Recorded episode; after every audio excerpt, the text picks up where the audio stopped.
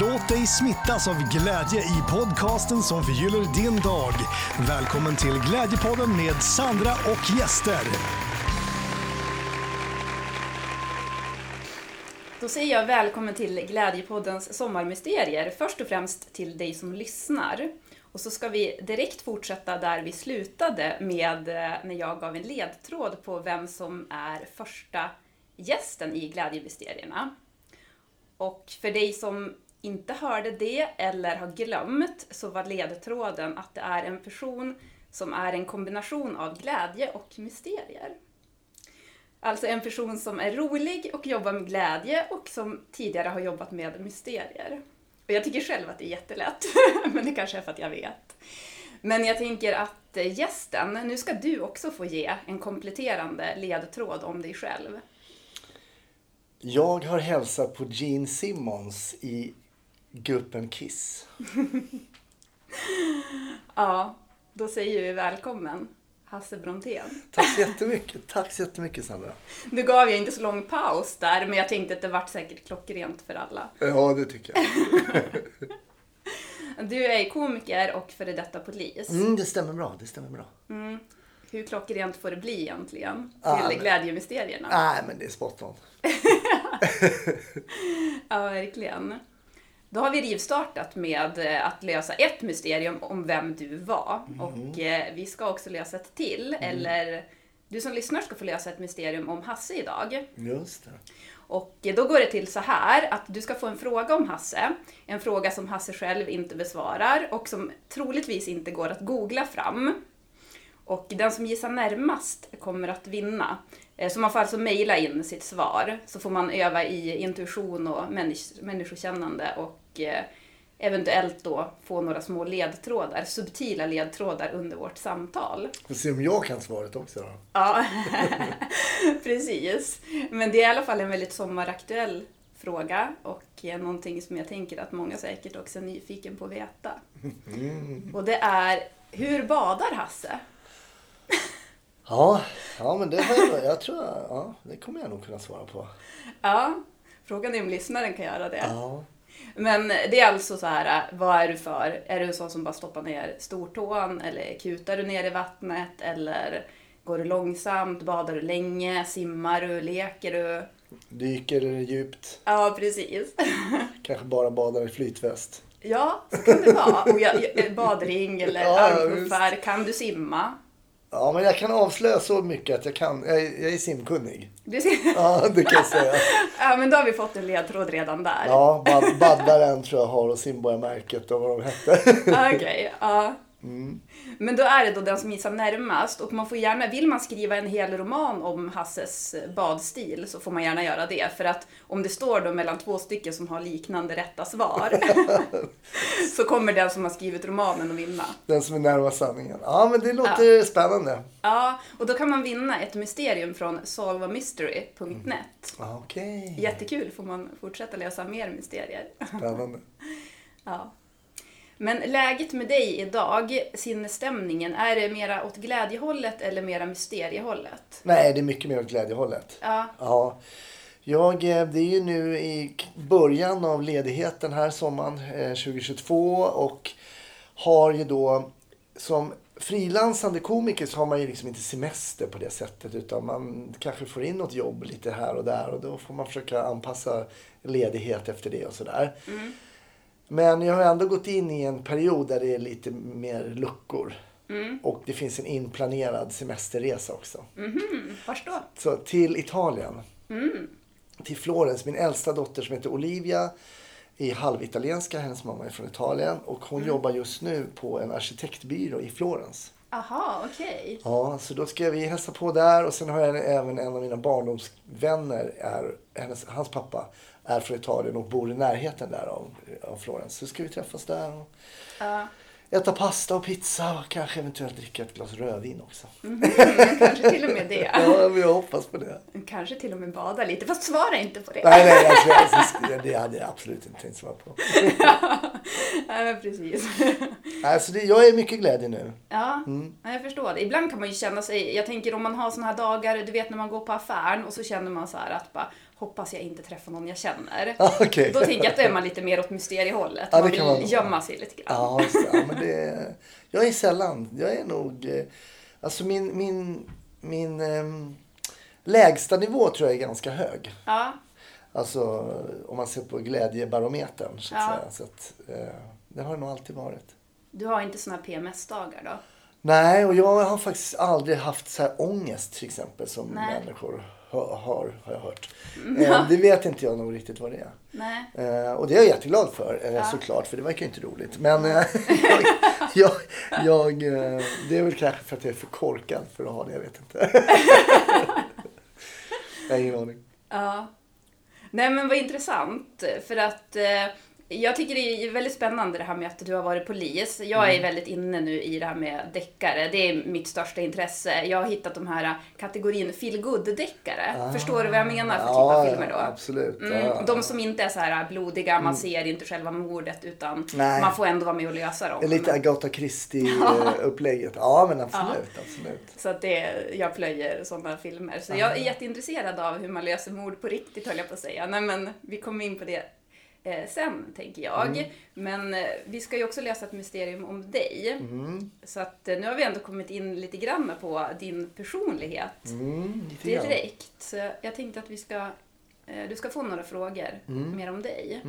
Och då den första frågan, undrar om, om du nästan redan har svarat på den. Kanske. Men är du mer en introvert eller extrovert person? Nej, men definitivt extrovert. Ja. Ja, nej men det. Jag är väldigt extrovert. Mm. Eh, alltid varit kanske den som varit lite för extrovert för en del andra. Mm. Så typ kan inte du bara vara tyst? lite så. Men eh, nej men jag är nog en social person. Gillar att interagera med människor, kommunicera med människor. Vilket jag tyckte var väldigt kul som polis. Och som också fick mig att sluta inom polisen nästan för att jag jobbade på Säpo som span, spanare på Säpo. Det vart för asocialt för mig. Så att bara egentligen i en bil och du vet. I och för sig skulle man lösa mysterium men för mig blev det lite för asocialt. Det var mycket lite själv i en bil och följde efter folk och så. Äh, det var inte riktigt min grej. Alltså. Nej.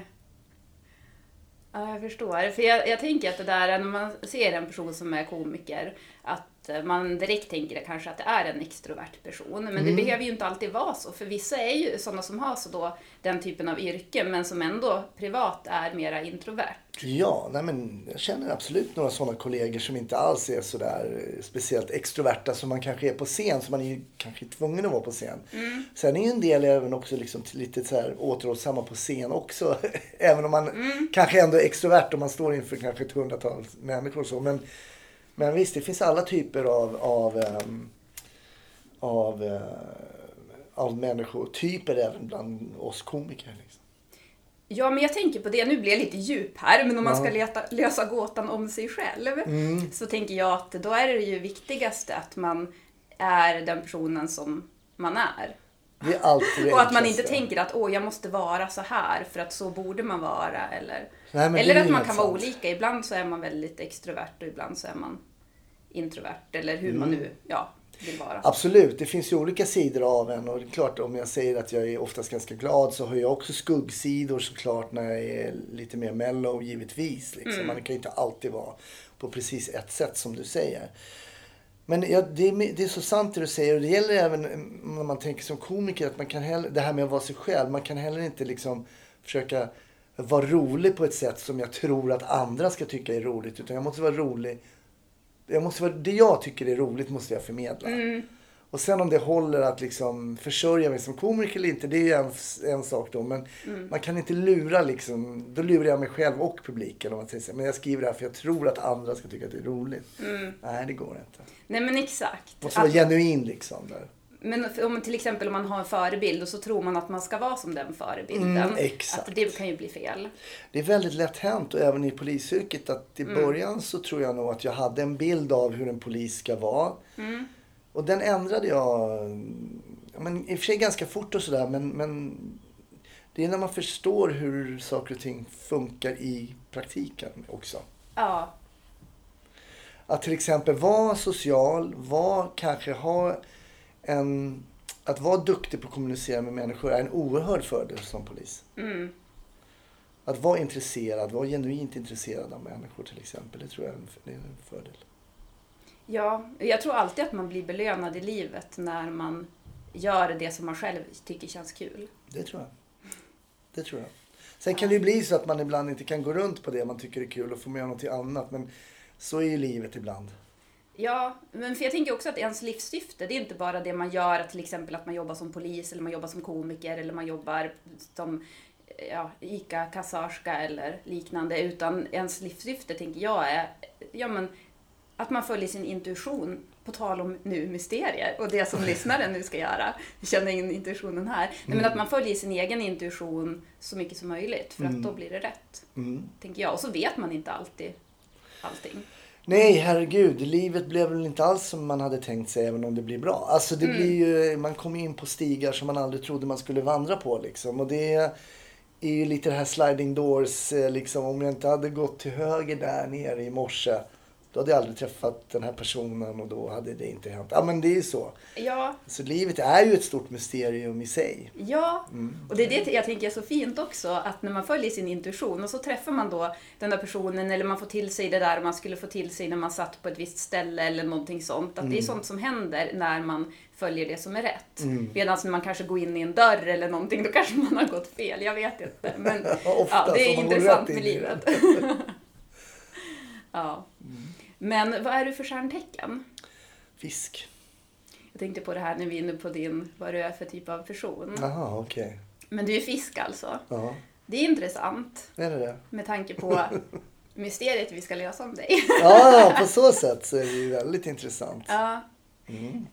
Det här hotellet som du och jag sitter på nu, mm. Time Hotel, det är mitt andra hem nästan skulle jag kunna säga. Jag berättade precis för dig att jag bodde här väldigt länge i höstas. Just det. Ja. Men det jobbade en kille här tidigare och eh, han har nu precis flyttat till Italien med sin familj. Okay. Också på tal om att du ska till Italien. Ja, det ser jag. Ja, men han var i alla fall fisk. Ja. och eh, då höll vi på att prata. Hans, ett av hans största intressen det är havet. Mm. Eh, han höll på att berätta jättemycket om så här, djuren och tyvärr så är det ju djuren i havet mår ju inte speciellt bra nu men eh, ja, han var väldigt i alla fall insatt i det där. Jag tycker det är så spännande att höra om folk som är väldigt insatta i någonting. Mm. Och vi skulle egentligen ha spelat in ett poddavsnitt som hette Hajar inte farliga. Okay. För tydligen är det så. Nu säger jag det bara här, vi får se om det kommer någon gång i framtiden, men tydligen så är hajar inte farliga. Nej, men det beror på kanske i vilken situation.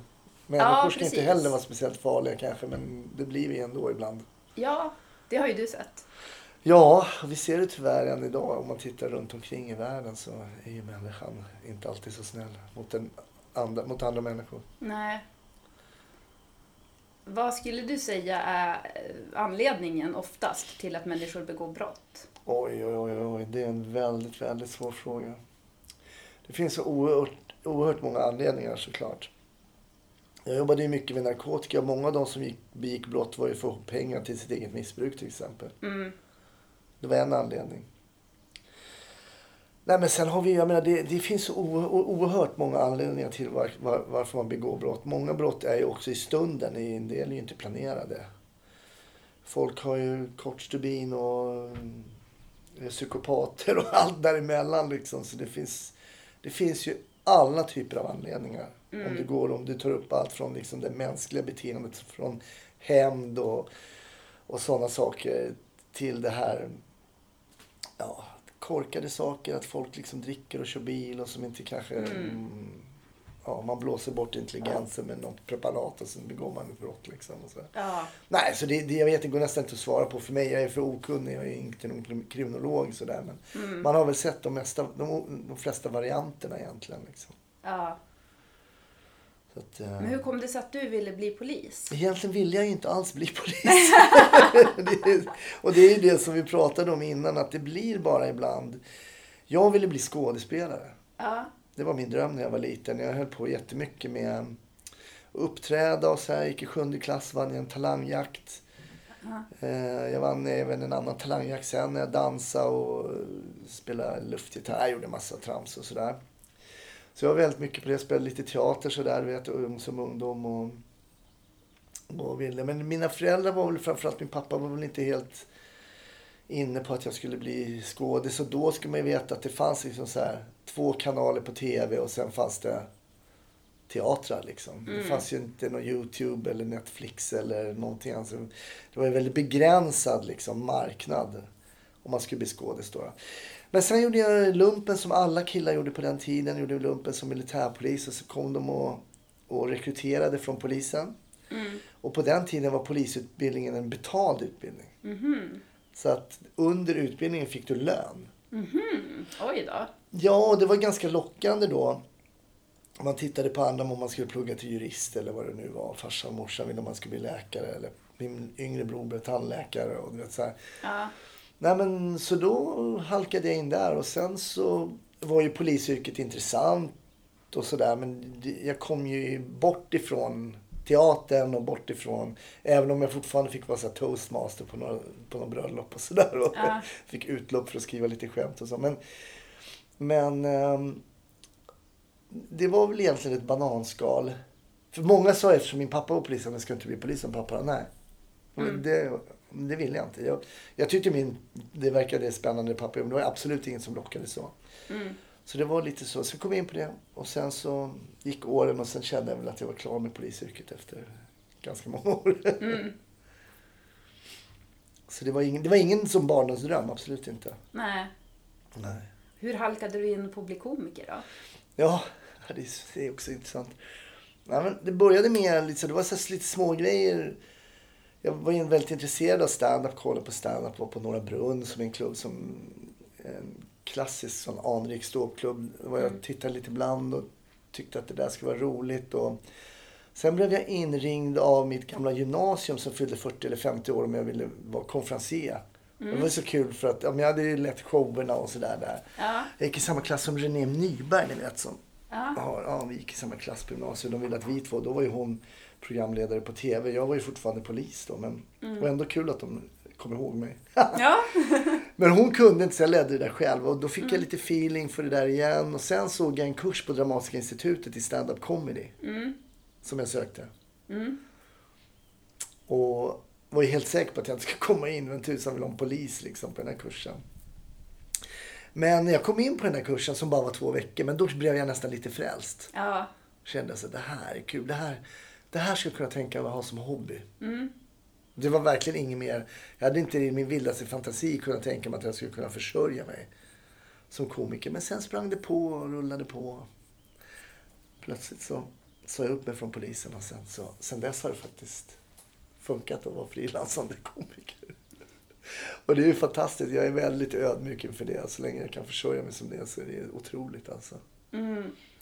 Jag blir så glad att höra det här. För först att höra din dröm då när du var liten att bli skådespelare. Och sen att du har gillat det här med också att du är en sån person som gillar att stå i centrum. Och så är det som att du ändå har halkat dit trots att du gick en annan väg. Så. Men vad har ändå, om du ser tillbaka nu på ditt liv då, att du först var polis. Vad tycker du att det har gett dig som människa?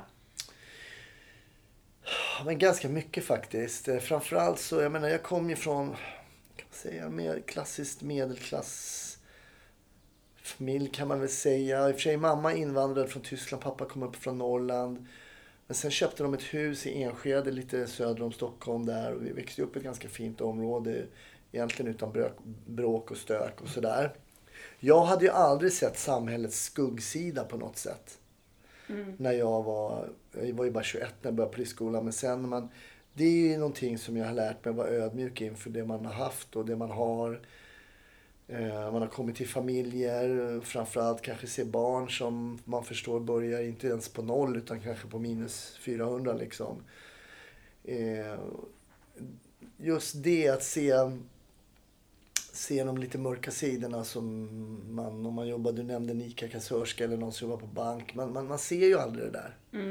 Och det har gett en inblick liksom i en samhällelig inblick som kanske har gjort liksom en lite vidare tänk liksom. Sen tycker jag, jag tycker, och det, det är någonting som jag ibland kan sakna, det är faktiskt det, det är en otrolig känsla att hjälpa människor. Det är verkligen för mig, jag, de gånger man verkligen kände så här, men tänk om inte vi hade varit där den stunden så hade den här personen kanske inte levt idag. Ja. Alltså det är ändå en, en otrolig liksom, känsla. Och säger folk, men du får ju folk att skratta, det är också viktigt. Jo, förvisso, men det är inte riktigt så här hands-on ibland som man kanske som polis eller...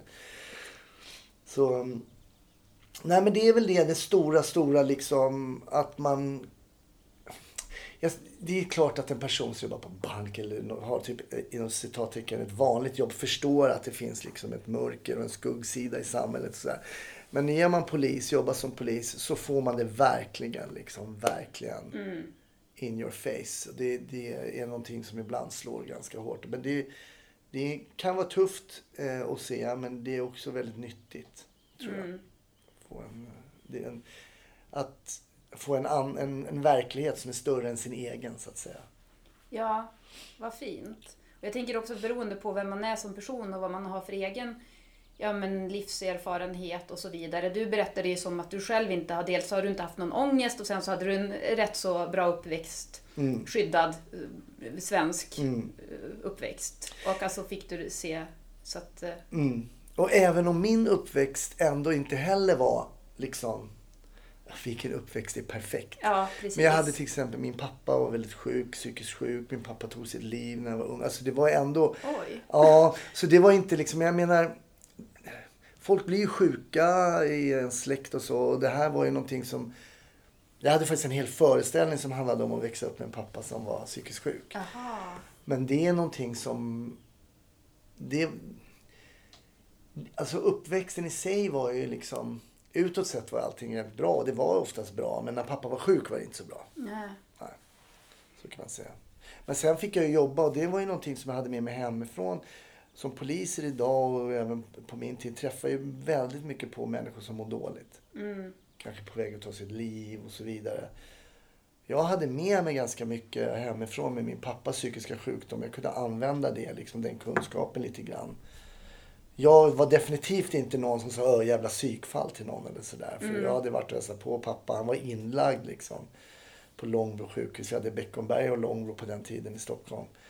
Eh, Så jag kände till liksom det här med psykisk sjukdom lite. Även om jag inte var skolad. Ja. Utan jag var liksom skolad av livet i det. Ja, precis. Så att, När tog han livet av sig? ja men då var jag precis, då hade jag precis, jag var 21 då. Aha. Och det var också lite så sorgligt för att jag hade precis börjat polisskolan och sen så eh, hade jag bara gått någon, jag hade bara gått någon månad sådär så. Det var jätte, jätte, jättesorgligt. Men Det var- hur, hur var det, alltså tänker just den perioden efter det? Nej, det var jättetungt. Det var en av de tyngsta perioderna så att säga då i, i mitt liv. Det var ju när pappa dog då. Eh, nej, men vad, vad, det är så, det är så här, man fattar ju inte först det händer. Nej. Och, och då blir det som en chock. Jag hade en god vän nu vars pappa dog som var sedan 92. Och då kan man tycka så ja men han, hans liv har ju varit fantastiskt. Liksom. Han var frisk till han var 92, sen dog han. Men det spelar ingen roll. Nej, man vet ändå inte Sorgen är ändå liksom där och man förlorar eh, eh, sin far. Liksom. Ja. Så den gjorde jag ju väldigt tidigt då. Nej, men jag hade en väldigt stöttande, väldigt stöttande flickvän, fru då, som var jättebra. Så att, ja, det gick bra. Ja. Och jag nu, det var sorgligt såklart i början, mycket tankar kring. Och särskilt en person, vet, kanske som tar sitt liv, inte, inte skriver någon lapp, inte, ingen vet varför. Man, det är klart man funderar. Och som son, äldst, så- jag är äldsta sonen av fyra, man kanske så här, var det något jag eller vi? Eller, ja, men du vet, det dyker alltid upp tankar som kanske inte alltid är helt sunda liksom. Och som kanske inte är verklighetsbaserade, men de dyker ändå upp där. Men jag har jättefina minnen av min pappa och det, nu är det ju så pass, och det är en klyscha kanske, men tiden läker ju liksom såren. Och eh, nu har jag bara glada minnen. Ja, men vad fint. För det tänker jag också att det är någonting som man skapar själv, hur man vill minnas på något sätt. Ja, om du vill minnas de verkligen. glada minnena eller om du vill hålla fast i det som var Ja. jobbigt. Ja. Och hela grejen om att vara ärlig. För jag ljög tidigare om min pappas sjukdom för folk. Jag vågade inte berätta att han var knäpp liksom. För det var pinsamt och så. Ja, ja. Ja. Mm. Tills jag kom till insikt att han var faktiskt sjuk. Mm. Precis som man kan bli sjuk i cancer så kan man få en, en psykisk sjukdom. Liksom. ja. Och det är inte mindre pinsamt än, än någonting annat. Nej. Så det, det, har, det hoppas jag att det är tabut. Och det kanske har försvunnit lite grann liksom, med tiden sen pappa dog 88. Men det finns ju fortfarande kvar liksom, att det är lite tabubelagt. Ja, jag tänker det, det här med att eh, det skulle vara fint om vi människor kunde bli bättre på att inte döma så hårt. Så det handlar väl först också om att man inte dömer sig själv så himla hårt. Mm. Och att man, om, när man vågar titta på sig själv och sina egna tillkortakommanden, då blir man ju också mindre dömande mot andra. Mm, så kan det nog vara. Mm. ja. Mm. Ja, men fint att höra ändå. Jag tänker just det här, det du var inne på, det här med perspektivet på livet och ödmjukheten från tiden som polis. Jag håller faktiskt på att läsa en bok nu av, som jag fick av en präst som jag hade med här i podden för ett par veckor sedan. eh, Som heter Stig-Åke. Och eh, han gav mig en bok i alla fall av en som heter, eh, jag vet inte om du kan hjälpa mig Hasse, men Sebastian, och så heter han någonting med S. Han är rappare och han ska sommarprata nu i sommar också. Stax. Ja, det heter han nog. Ja, vet du vem det är? Mm. Ja, det är han som har blivit religiös. Ja, Ja. precis. Precis. Ja, Ja. och eh, alltså början av den här boken är ganska tung för att då får man som en inblick i det här livet och Mm. det är som, så, alltså, otroligt utanför min värld också. Ja. Och i det här drogträsket och allting Ja. sånt. Och jag har själv en kusin som gick bort i droger och därför så tycker jag också att det är väldigt intressant att se hur, ja men som en helt annan bild utav hur livet faktiskt kan vara och Mm. att man får som, ja hur fast människor kan vara. Och, Ja, nej, det är brutalt. Och- Verkligen. Ehm, jag tänker också så här, det här med nu när vi är inne på det här med brott och polisyrket och så. Eh, en sak som jag skulle önska att vi kunde lösa mer på en samhällsnivå. Nu vet inte jag hur man jobbar med det här redan nu, men det gick en dokumentär på SVT. Jag tror att det var en dokumentärfilm eller att det var kanske två avsnitt för några år sedan. Eh, Jag vet inte om du såg den, men det handlade i alla fall om att man eh, det var ett fängelse i USA och så körde de någon sån här workshop där. Där de gick till botten med de här fångarnas eh, problem. Som bottnade sig i deras barndomstrauman. Och så fick man se som den processen. Okej, Vet du vilken det var? Nej. Nej, eh, jag kommer inte ihåg vad den hette heller. Men jag tycker det var väldigt fint i alla fall. För att då kommer man ju som åt själva lösningen på problemet. Jobbar man så här någonting överhuvudtaget? Eller är det mer att de sitter av sitt straff? Ja, det är nog mer att man sitter av sitt straff. Det är ju så oerhört resurskrävande om man ska gå till botten med varje. Ja. Det, blir, det, det, det låter jättebra men det krävs ju oerhörda resurser då om man ska, och sen en del, sen är det ju så, en del vill vara kriminella. Alltså det, Ja. det, en del, nej men alltså det är så här, ibland, jag vet exempel folk som är uteliggare, så här, man, men, ta in dem, ska tvättas av, tänker sig ska få, men de, det är tillbaks på gatan, det är Ja. svårt och det är psykisk sjukdom och det är blandat med andra viljor i den här. Det är så himla komplext ibland eh, med de här problemen med liksom kriminalitet och var man kommer ifrån och vilken miljö man är uppväxt, vad man har, vilka människor man har omkring sig och så vidare, vad man får för stöttning. Alltså det är så himla svårt. Och vilka man träffar på kåken och hur länge man får sitta. Och ibland sitter de ju nu så kort, men om vi pratar det som är aktuellt nu i, idag i Sverige, mycket gängkriminalitet, skjutningar. Kanske sitter för kort tid, de kommer ut är de lite mer coola för de kanske har dödat någon då.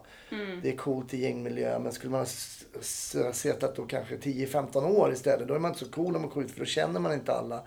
Plus att man har blivit av mycket av det här eh, manliga testosteronet liksom. Man är, när man är 35 är man inte lika benägen liksom att göra saker som när man är 20 till exempel. Så, Ja. nej, jag vet inte. Det, det, det, nej, jag tror inte man jobbar så. Men, Nej, jag tror också att det är precis som du säger, att det är jättesvårt. För någonstans så ska ju en människa vara redo att se sig själv. Men då tänker jag också så här, är man inburad i x antal år och man inte har något val. om det skulle finnas de resurserna vore det ju fantastiskt om man skulle kunna börja jobba mer på det sättet. För då tror jag att man löser att människor åker dit igen när man väl kommer ut ur fängelset. Men ja, det är mina egna glädjeteorier här. Allting funkar ju inte i praktiken, men det skulle vara fint om man skulle kunna komma åt, mer åt det hållet. Ja. Ja, men eh, vad, vilka är de brott som du, eller vilka är de flesta brotten som du har varit med och löst? Jag har ju jobbat mest. Eh, I början jobbade jag som vanlig ordningspolis som man kallar det på den tiden. Idag säger man ingripande verksamhet. Det är de polisbilar vi ser ute som man vet. Man åker i uniform i polisbil och sen får man jobb via radion som säger att det är ett pågående bilinbrott eller något sånt där. Då åkte man på sånt och då, då var det ju diverse. Man var på eh, lägenhetsbråk som man kallar på den sidan. Det heter inte, det heter våld i nära relation idag till exempel. Men man var, då var det väldigt blandat. Ja. Men väldigt blandat som minutoperativa som man ringer till polisen så här 112. Någon slår någon, kom hit. Bråk utanför krogen var det ju mycket till exempel på helger här inne i stan. Ehm, man visste ju ungefär en fredag, lördag. Så visste man ungefär när jobben skulle komma. De första krogarna stängde vi den tiden. Då var det bråk utanför de krogarna och sen stängde de där och folk dricker och så var det bråk utanför där. Lite så var det. Ja. Så var det snattare på Åhléns och så var det, det var väldigt blandat liksom. Ja. Men sen eh, fick jag en tjänst först som fotpatrullerande polis nere på Plattan. Vi, gick, vi fotpatrullerade i, i uniform bara på, i runt Plattan, liksom området. Och där är det ju mycket narkotikabrott och stölder och sånt där. Men sen efter det så fick jag en tjänst som civil polis på något som heter gatulangningsgruppen på Norrmalmspolisen. Ja. Och då var vi bara fokuserade på gatulangningen av narkotika runt Plattan och i Stockholm city. Liksom. Så mycket det. Sen studsade jag vidare till någonting som heter Rave-kommissionen. Jag går ga- ganska snabbt fram här nu. Ja.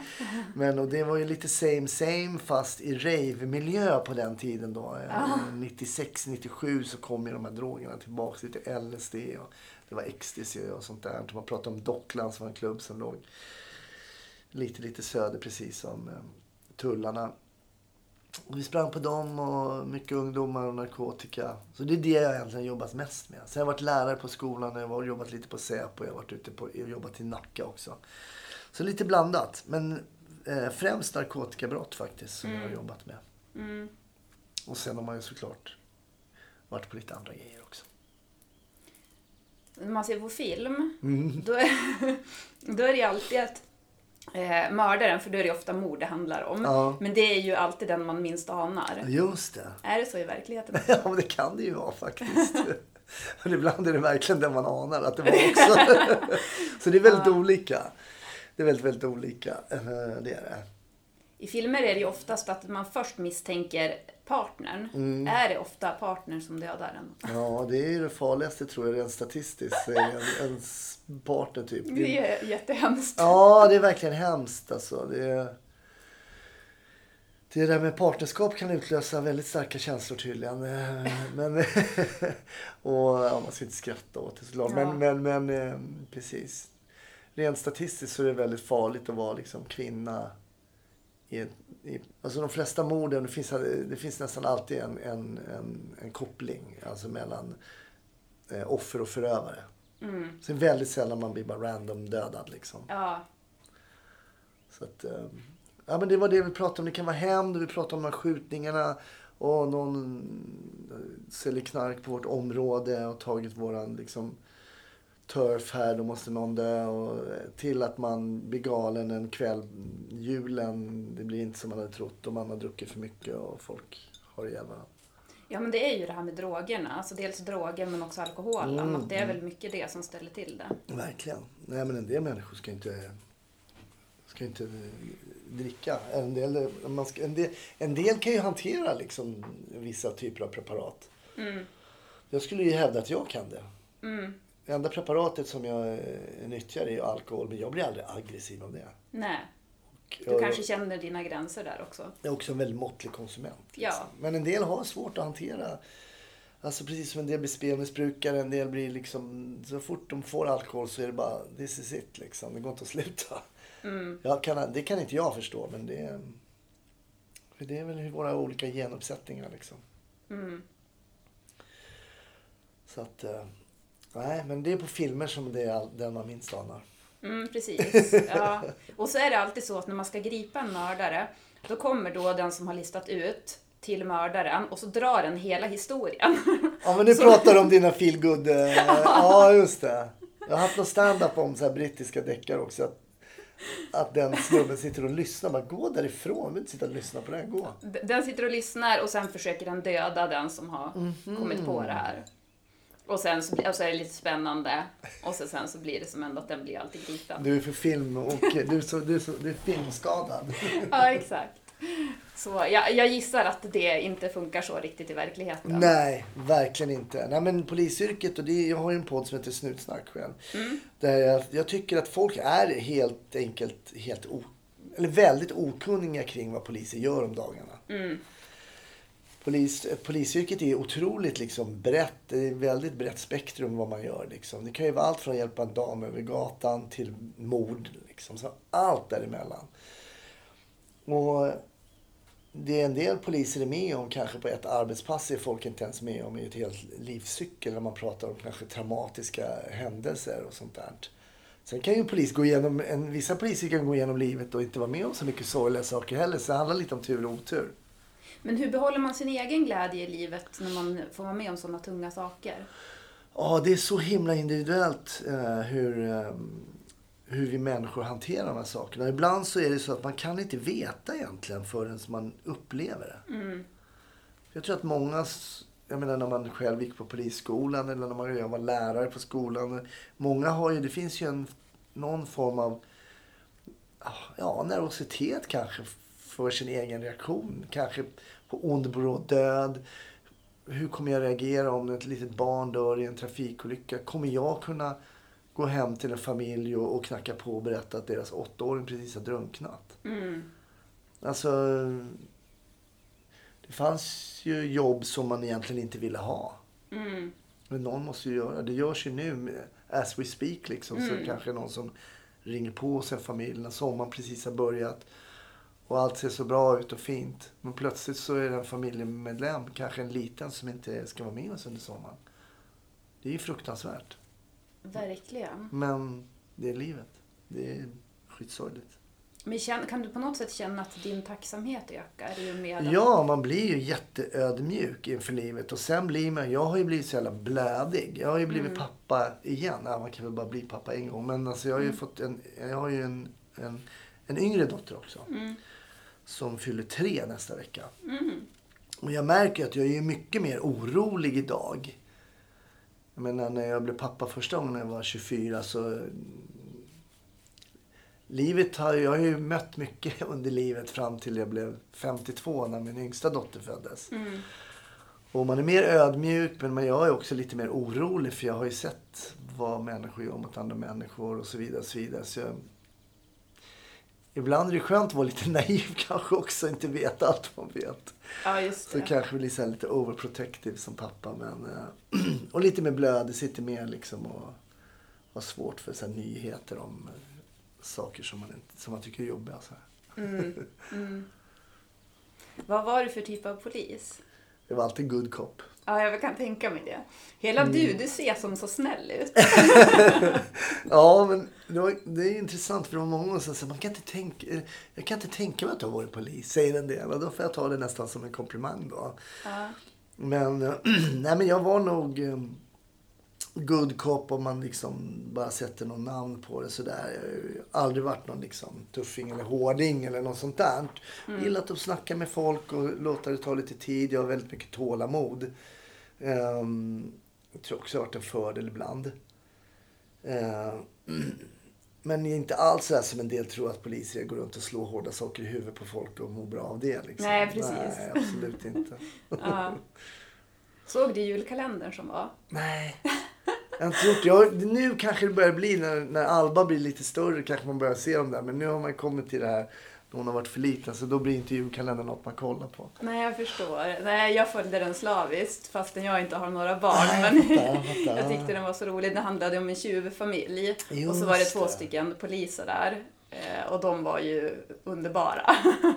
Och var Anders Jansson spelade någon polis där? Var det den? Eh, nej, men det var ju, vänta nu ska vi se här. Det var eh, Good Cup, det var ju då han, alltså han är ju jättekänd så det här är ju väldigt konstigt. Men han lite större, han som var... Lite han som, rödlätt. Nej, men han som spelar eh, Lottas pappa. Lotta Ja, ja. Var det... um, bara som heter- Ja, Claes Malmberg. Ja, precis. Ja. Mm. Och så sen så var det han, undrar om han heter Filip eller något sånt där som var Bad Cup som var den lite yngre då. Okej. mm. Han är också jättekänd. Heter han ens Filip? Ja, sjukt kul var det i alla fall. Ja, vad roligt. Ja, jag får börja kolla på julkalendrarna nu. ja, men alltså den där, den ska du kolla med din dotter sen i efterhand. Mm, för den vad var roligt. väldigt Ja, rolig. bra. Ja, eh, jag vet inte varför jag kom in på det, men eh, jo, angående vem du var som Mm, polis. just just just. Ja. Men jag tänker om du ska ge något tips nu till lyssnarna eh, Mm. som ska nu reda ut mysterier här. Dels mysteriet om dig nu eh, idag, men sen hela sommaren. Du som har varit med i många utredningar. Mm. Har du något bra utredningstips? Nej, men jag tycker tålamod är viktigt. Mm.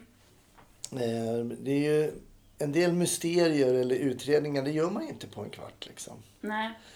Utan man måste ta in eh, information från alla håll. Och så är det nog oavsett mysterium att det, det vet man ju bara om man har två vänner och sen det någon som pratar till att de ska skiljas och så pratar du med ena partnern och jag pratar med den andra. Då får man två helt olika versioner av verkligheten liksom.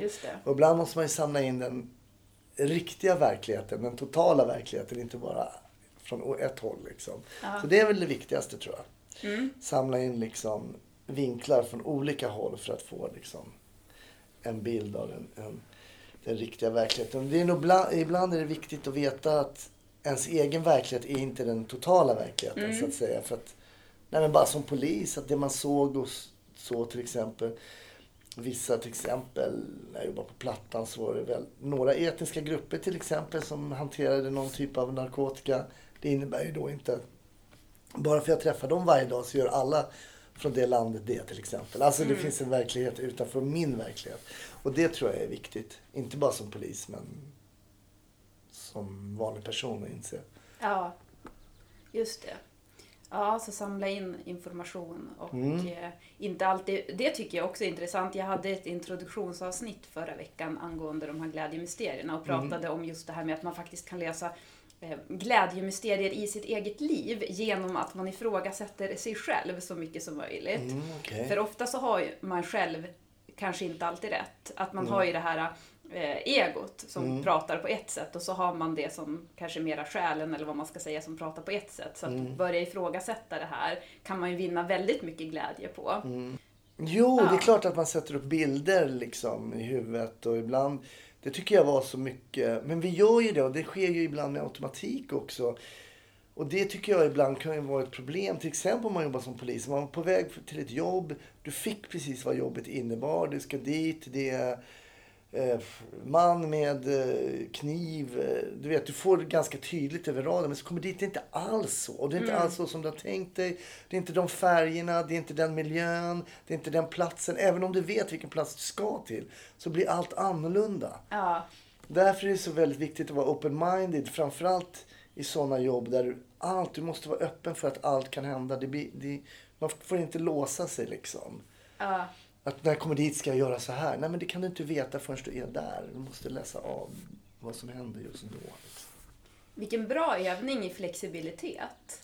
Ja, det är en väldigt bra övning att åka på jobb som man tror är. Och det kan jag säga när jag, i min podd. Det, det är nästan en röd tråd när folk säger att men vi trodde att vi skulle möta en person som var lugn och sansad. Eller tvärtom, aggressiv. Ja, men det blir aldrig. Det blir aldrig. Och sen måste de plötsligt lösa ett helt annat ärende än vad de åkte dit för. Ja, Så det blir, det blir mycket tvärtom och man måste vara ganska liksom rappad upp och säga okej nu måste vi växla ner kanske.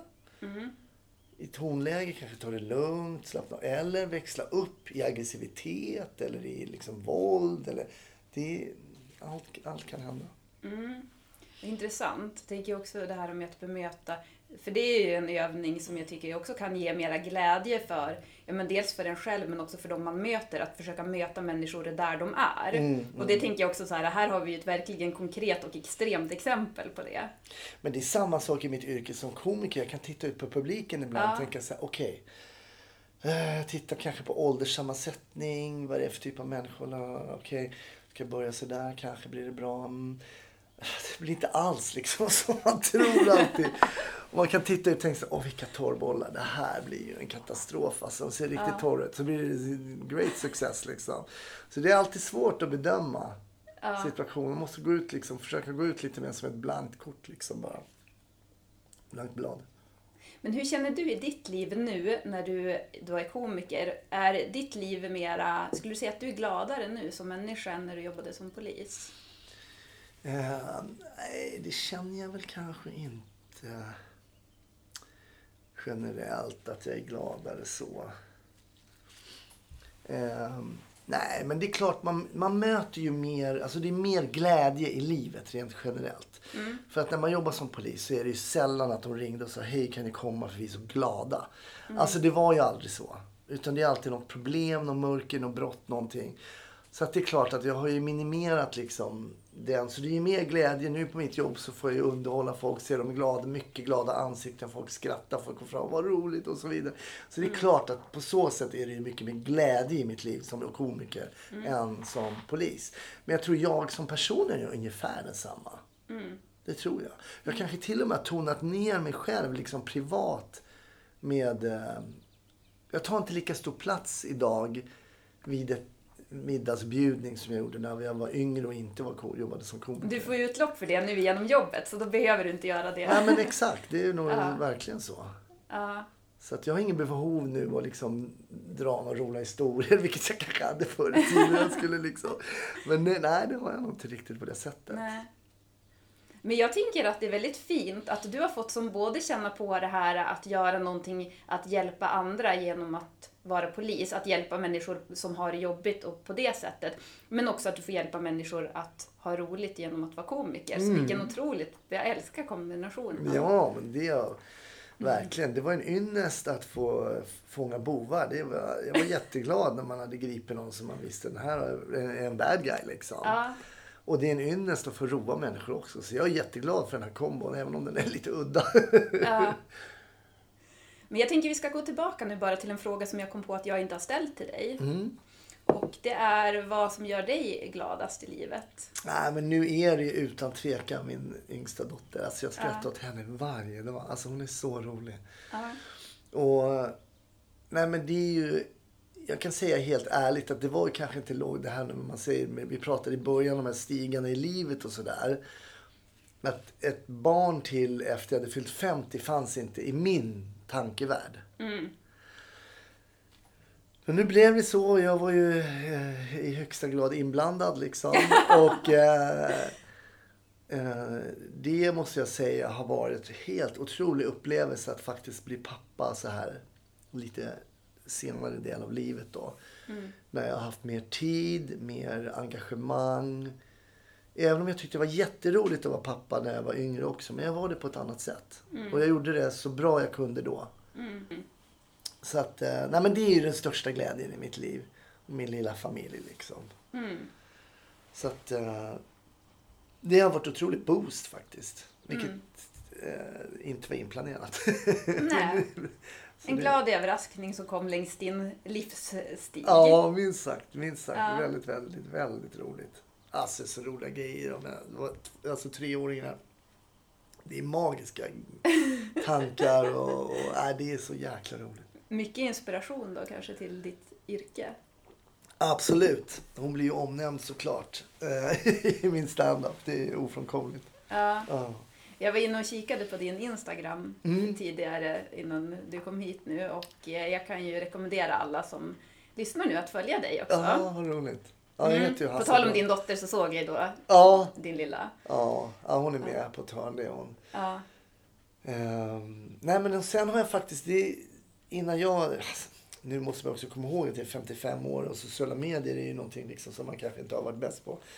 Men jag berättade ju att jag vann en talangjakt när jag gick i sjuan. Och då mimade jag till mycket, alltså mimade till tal, jag mimade till sång, musik, jag spelade lufttrummor, luftgitarr, dansade höll på.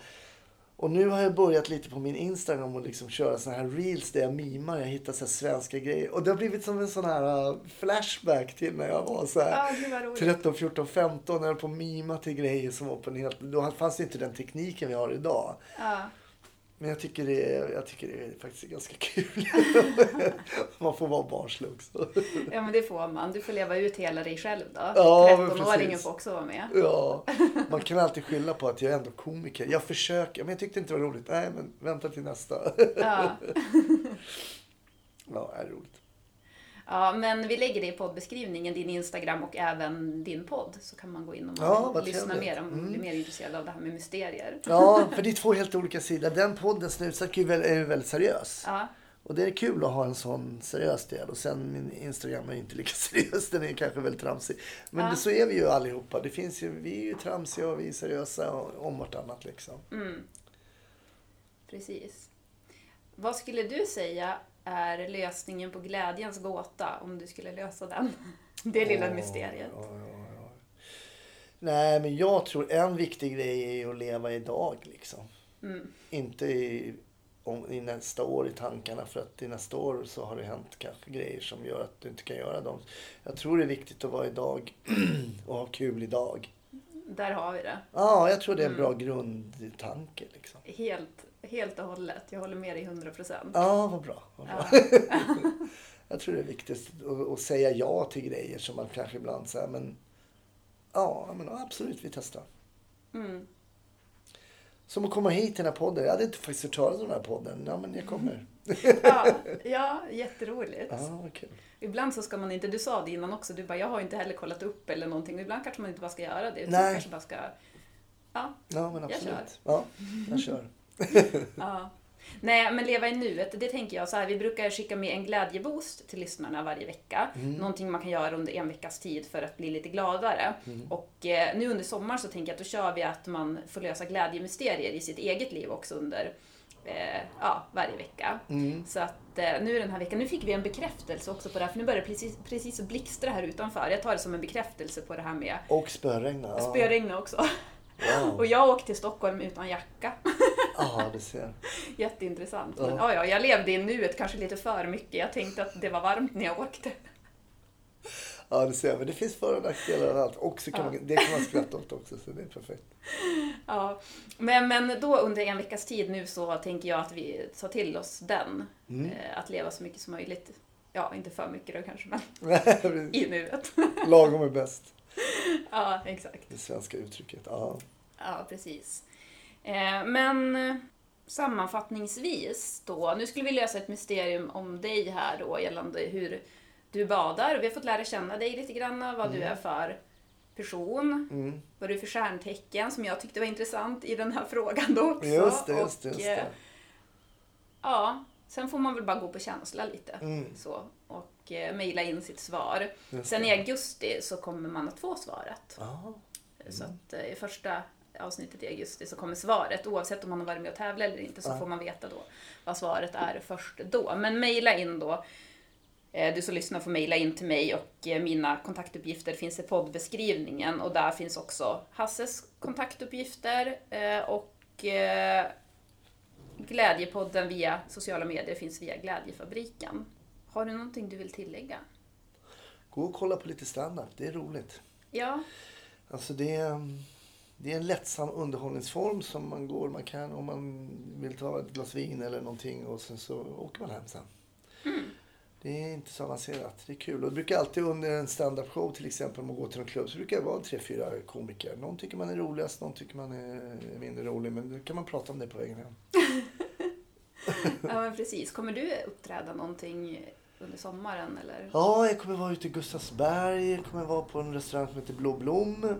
Eh, Jag kommer även att vara på Norra Brunn i Vasaparken i Stockholm. Jaha, kan man se på Norra Brunns hemsida. Jag kommer inte ihåg exakt vilket datum det är nu. Sådär på. Men några sådana stopp blir det Mm. eh, under sommaren. Så det ska bli kul. ja men vad roligt. Mhm. Mm.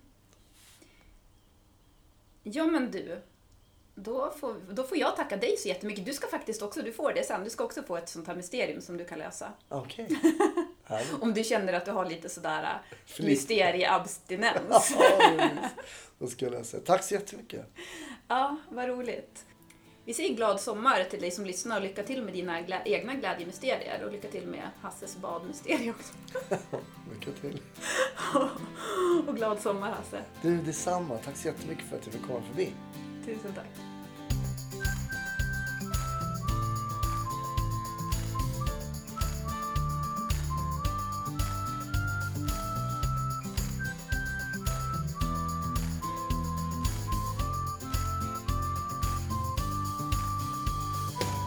Och om du som lyssnar nu är kvar efter musiken här så bjuder vi på lite så här bonusmaterial.